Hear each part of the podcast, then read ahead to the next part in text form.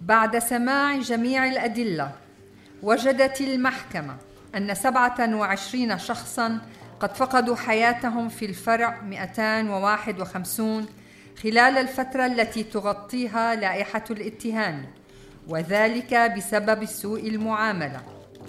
اعترف إياد الغريب بأنه رأى ما لا يقل عن عشر جثث يتم نقلها من الفرع 251 بين أيار وحزيران 2011 وأنه رأى معتقلا واحدا على الأقل يتعرض للضرب لدى وصوله إلى الفرع بقضيب حديدي على نحو عنيف لدرجة أنه ما لبث أن فارق الحياة. في حين أخبر بي 51 المحكمة كيف نقل شاهدان أو ثلاثة شهود إلى مشفى الهلال الأحمر في إحدى الليالي وكيف كان عليه أن يؤكد وفاتهم كذلك أكد بي أربعة أنه خلال شهر حزيران 2012 توفي طفل وثلاثة عشر شخصا آخرين خلال فترة اعتقاله. كما شهد بي أربعة على شخص يتعرض للضرب على حلقه بشدة مما أدى إلى وفاته. يمكن عزو جميع حالات الوفاة هذه إلى المدعى عليه. وكان بي 36 في فرع الخطيب للمرة الأولى في تموز 2012 حيث شهد وفاة عشرة أشخاص في الفرع بسبب سوء المعاملة والتعذيب. وفي وقت لاحق رأى معتقلا من الفرع يحتضر في مشفى حرستا بسبب فشل كلوي.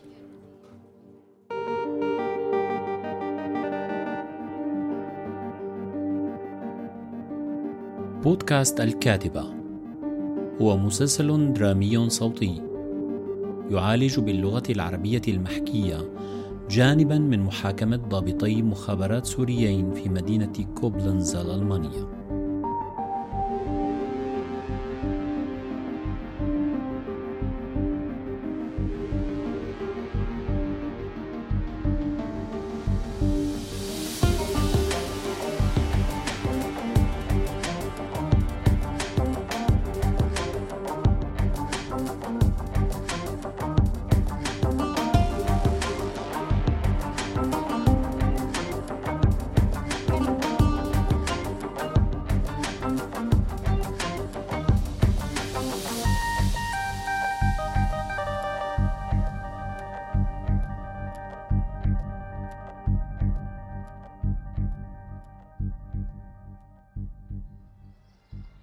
كأنه شهادة الصحفية الفرنسية لوكين أخذت جزء كبير ببيان القاضي الختامي؟ إيه أطول شوي من استرجاع باقي الشهادات. بس كانت مهمة كتير شهادتها. كونها عملت كتاب عن ملف قيصر ورحلة الصور. اسمه عملية قيصر في قلب آلة الموت السورية. وفاتت على سوريا ست مرات لتغطي الأخبار متخيل؟ حتى بعد ما أعدمت داعش أربع صحفيين فرنسيين. بقيت مصرة تحكي للعالم عن اللي عم يصير بسوريا. وهي الجلسة اللي شهدت فيها كخبيرة انت ما حضرتها طبعا. لو تشوف كيف هزتنا كلنا. لك صارت تبكي وهي عم تحكي ومع هيك ما قبلت تاخد استراحة. صح. شفت تعليق بشي مقال عن إنها اعتبرت قيصر ساذج لأنه اعتقد إنه نشر الصور رح يوقف المجازر. إيه بس أكيد ما كانت بتقصد الإهانة. يعني هي كانت متعاطفة مع قيصر لأنه فكر المجتمع الدولي قادر أو أكثر تعاطف بحيث أنه إذا شافوا الصور والجرائم بوضوح فهو رح يوقفها.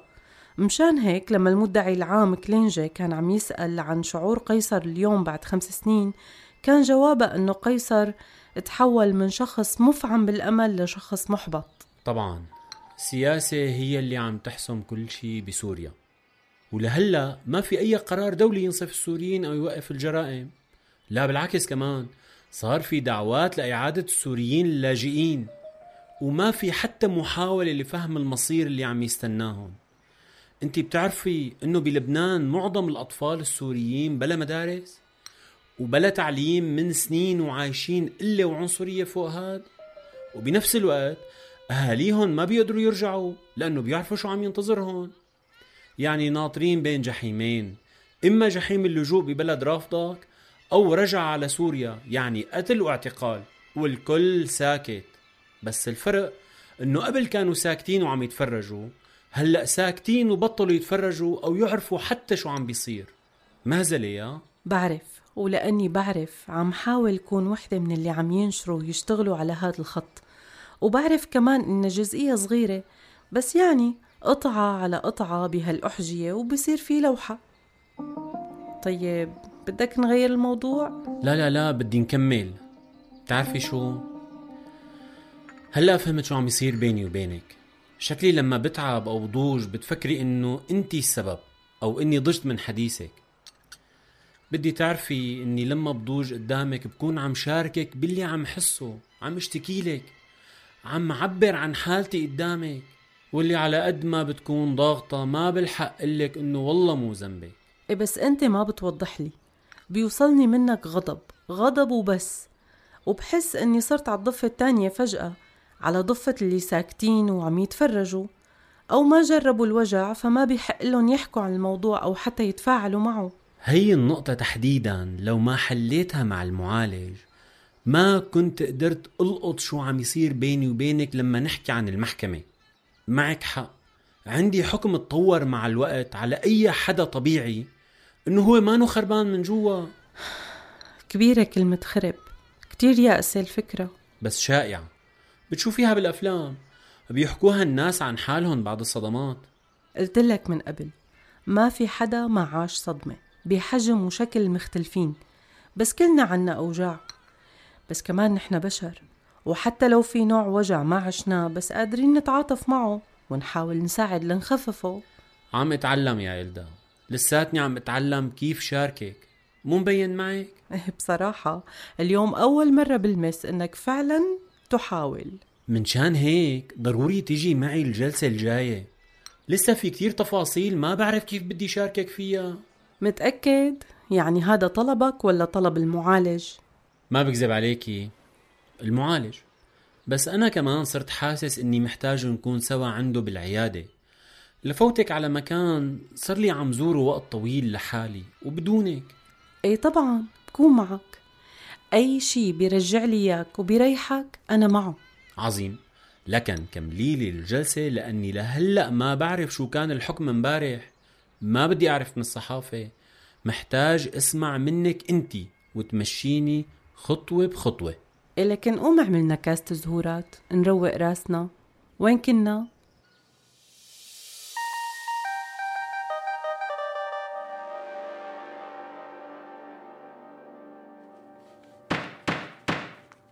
وين كانت الصور لما غادر سامي وقيصر سوريا؟ سامي كان محتفظ بكل الصور. آه، تم إخراج قيصر من البلد بحيث أنه كل خمسين كيلو متر تستلموا جماعة من المعارضة لحتى استقر شهر بجنوب سوريا وانتظر شهر تاني متخبي بشاحنة على بين ما طلعوا من سوريا. بينما سامي غادر عن طريق قنوات رسمية. والصور تم إخراجها مع شخص ثالث. لشو بيرمز المشفى 601 هو رمز لمشفى بمنطقة المزة. أحد أحياء دمشق. هل الاسمين اللي رح أذكرهم مألوفين بالنسبة إلك؟ عمران وزكريا. تتفهمي ضرورات الحجب سيدة لوكين؟ طبعا مفهوم. بعرف الاسمين. كانوا بتركيا بمقر المجلس الوطني السوري. اللي بعرفه إنه قيصر وسامي غادروا سوريا بطرق مختلفة بس التقوا بتركيا بعمران وزكريا. حاول عمران وزكريا توثيق 53 ألف صورة من خلال تصنيفها لتحديد عدد المعتقلين من كل فرع هل حاولوا كمان يبحثوا بأسباب الوفاة؟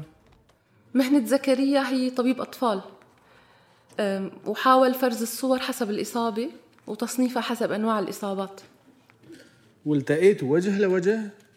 بقصد عمران وزكريا أي نعم بتشرين الثاني 2015 بتركيا التقينا بمكتب على مدى يومين. بهدول اليومين فرجوني وكشفوا لي أشياء لا تصدق. تعلمت منهم كتير تفاصيل مثل طريقة عمل النظام شو بتعني الأرقام على الجثث من وين إجت الصور بالضبط. هل خبرك قيصر عن دوافعه وليش التقط هي الصور؟ في شيء مو واضح عندي بهذا الموضوع. بس اللي بعرفه إنه بسوريا كل شخص مسؤول عن مهمة بيعملها وبيصدر عنها تقرير. بدون ما يفهم السبب اللي ممكن يكون روتين وبس الحقيقة النظام كان يكون بالأرشفة كتير. يعني ممكن نقارن النظام السوري بجهاز أمن الدولة شتازي. فينا نقول إنه النظام السوري تعلم أرشفة كل شيء تقريبا. كمان هاي الصور اللي توثقت سمحت للمرؤوسين يظهروا لرؤسائهم بأنه عم يقوموا بعملهم بشكل أفضل. من المذهل قديش كان في وضوح بالجرائم اللي ارتكبها النظام. وبنفس الوقت ما كان واضح للعين الخارجية أبدا. ولأنه الجثث كان عليها بس أرقام مو أسماء. كان كتير سهل أنه يدعي النظام أنه هاي الجثث مو لسوريين. يعني نظام أرشف كل شيء وأخفى كل شيء بنفس الوقت. شو صار بقطر؟ وليش تم ربط قطر بالصور أساسا؟ بالواقع قطر دعمت المعارضة بسوريا ومولت لجنة تحقيق.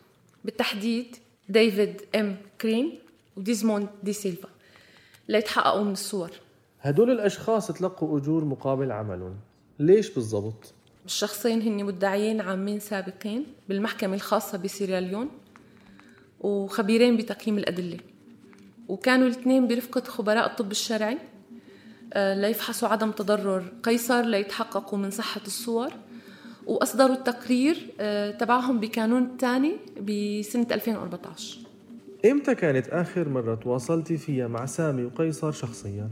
طبعا كصحفية عندك الحق إنك ما تجاوبي على هذا السؤال. فضل عدم الإجابة بعد إذن المحكمة. ذكرتي بوقت سابق إنهم كانوا خايفين. هل ما زالوا بنفس الحالة؟ نعم. حتى سامي ما زال بحالة خوف.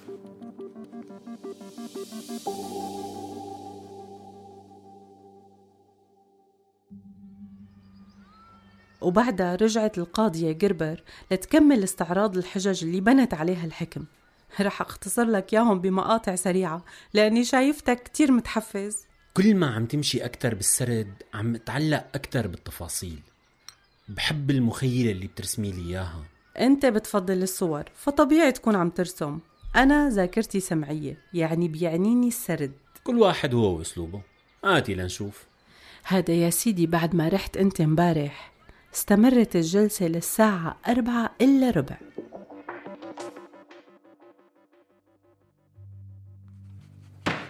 إن الذي يحاكم لم يكن النظام السوري وإنما أفعال المتهم الفردية التي يتحمل مسؤوليتها بشكل فردي. في 9 آب أغسطس 2008 نقل أنور إلى الفرع 251 حيث ترأس قسم التحقيق. كان مكتبه في الطابق الأول من مبنى الفرع 251 تقع مكاتب التحقيق في الطابق الأرضي. وكان السجن يقع في القبو حيث كان لأنور مكتب صغير آخر. وكان قسم التحقيق يضم ثلاثين إلى أربعين موظفا من بينهم ستة أو سبعة ضباط تحقيق ومسؤولون عن كتابة المحاضر وأمناء أرشيف وسجانون ومدير السجن. إن أنور رسلان كان أعلى رتبة من هؤلاء الأشخاص وكان مسؤولا عن قائمة المناوبة الخاصة بموظفي السجن والإشراف عليهم والبت في سير العمل. وكانت أوامره مطاعة من قبل موظفيه.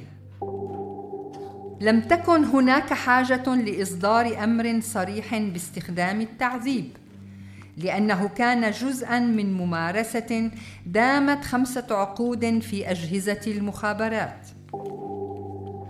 وفي واحد كانون الثاني يناير 2011 رقي إلى رتبة عقيد.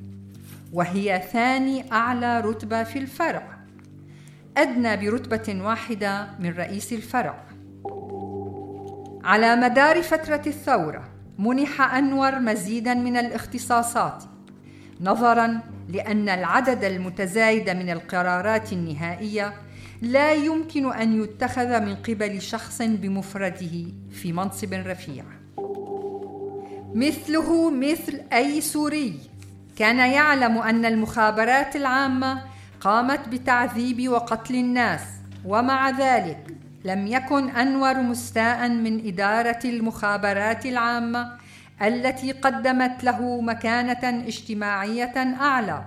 بعد نقله قرر أنور دعم النظام ووجد القضاة أن هذا الموقف لم يتغير بعد زيادة أعداد المعتقلين. وإدراكه للوضع المدمر في الفرع 251 أبلغ أنور بحالات وفاة حدثت في الفرع وكان يعلم أن السجانين كانوا يعذبون المعتقلين خارج جلسات التحقيق ويضربونهم ويتحرشون بهم جنسيا. وبحسب القضاة فقد قبل أنور هذه الظروف وبلا مبالاة على الأقل. أخبر الشاهد ب 41 المحكمة أن أنور طلب من أحد السجانين أن يطهوه حتى يستوي واعتبر أنور المتظاهرين حثالة ولم يهتم بمعاملتهم حتى عندما تعرض المعتقلون للضرب التعسفي والتعذيب ولم يعد الأمر يتعلق بالمهمة الفكرية الصعبة للحصول على المعلومات. ولم يفي هذا بمعاييره كمحقق. كان من الضروري للمحكمة التعاطي مع الالتماس الأول الذي قدمه أنور. يجب على المرء أن يعتبر هذا الالتماس اعترافا جزئيا فيما يتعلق بتأكيد أنور أنه كان رئيس قسم التحقيق في الفرع 251 من عام 2008 فصاعدا. كما أوضح أنه منذ بداية المظاهرات ارتفع العدد المعتاد للمعتقلين في الفرع 251 من حوالي 200 إلى أكثر من ألف. كما أن أنور كان قد اعترف بأنه سمع صرخات التعذيب بنفسه وزار السجن وعرف أن أعدادا متزايدة من المعتقلين نقلوا إلى المشافي.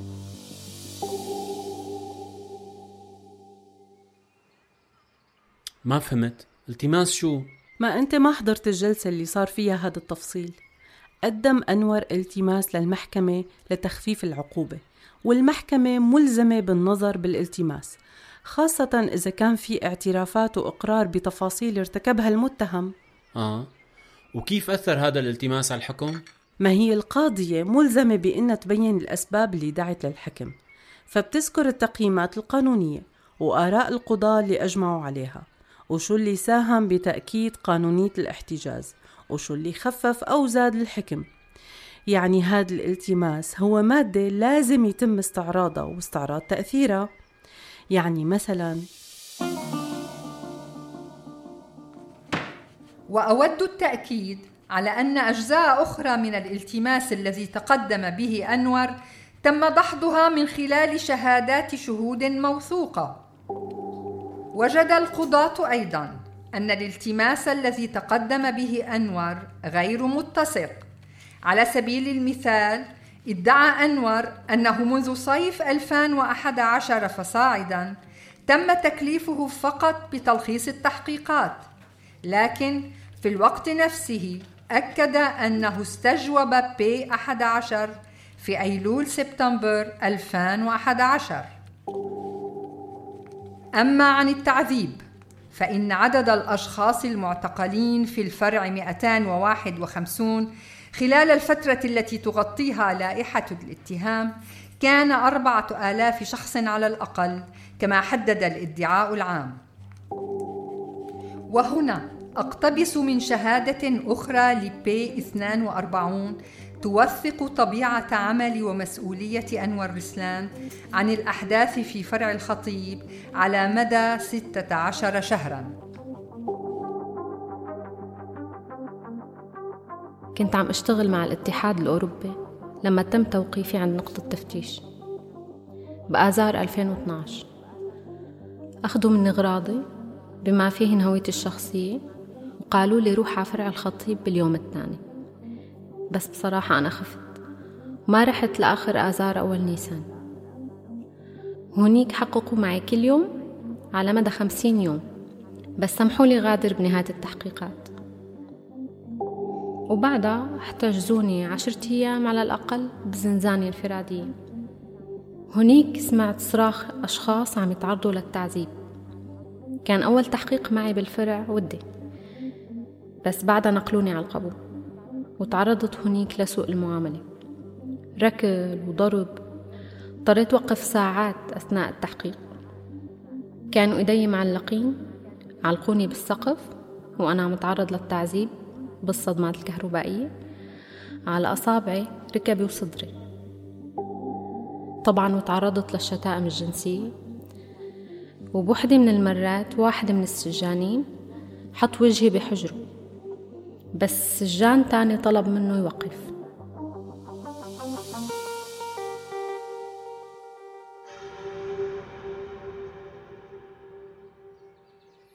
والخلاصة.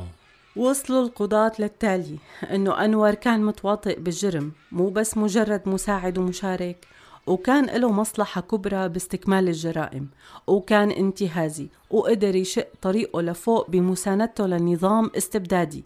وبالآخر ما كان منصبه قليل والمحكمة لاقته مسؤول بشكل جزئي عن قمع المعارضين ومنع سقوط النظام. والأهم من هاد كله إنه هو كان على علم بكل الجرائم اللي كانت عم بتصير بالفرع 251 بشكل يومي وبشكل خاص بالوفيات اللي كانت تصير والاعتداءات من قبل الموظفين اللي بيخضعوا لإدارته وقبل كل شي صار على الأقل بدون مبالاة الحكم إلدا الحكم أعطيني من الآخر. إيه بخبرك؟ بس تخبرني شو هدول اللوحتين اللي مو خالصين واللي مخبيهم ورا برداية البلكون. يعني لساتك مهتمة تشوفي شغلي؟ لا تذاكرني أنت بتعرف إني مهتمة على طول. وحتى لو ما فرجيتني أنا بتلصص لحالي على شغلك. بقى شو؟ بتقلي بقلك. نزعتي لي الخطة. الحقيقة كنت مفكر كمل أول لوحة هي اللي على اليمين. بعد ما أسمع منك نتيجة المحكمة. والتانية بعد ما نرجع من جلسة الطبيب النفسي بكرة. إيه والحل هلا؟ بتخبريني بخبرك. يا لطيف ما أقواك. أوكي. اسمع تم الحكم على أنور رسلان بإجماع القضاة بالسجن مدى الحياة. مدى الحياة يا سيف مدى الحياة. مدى الحياة.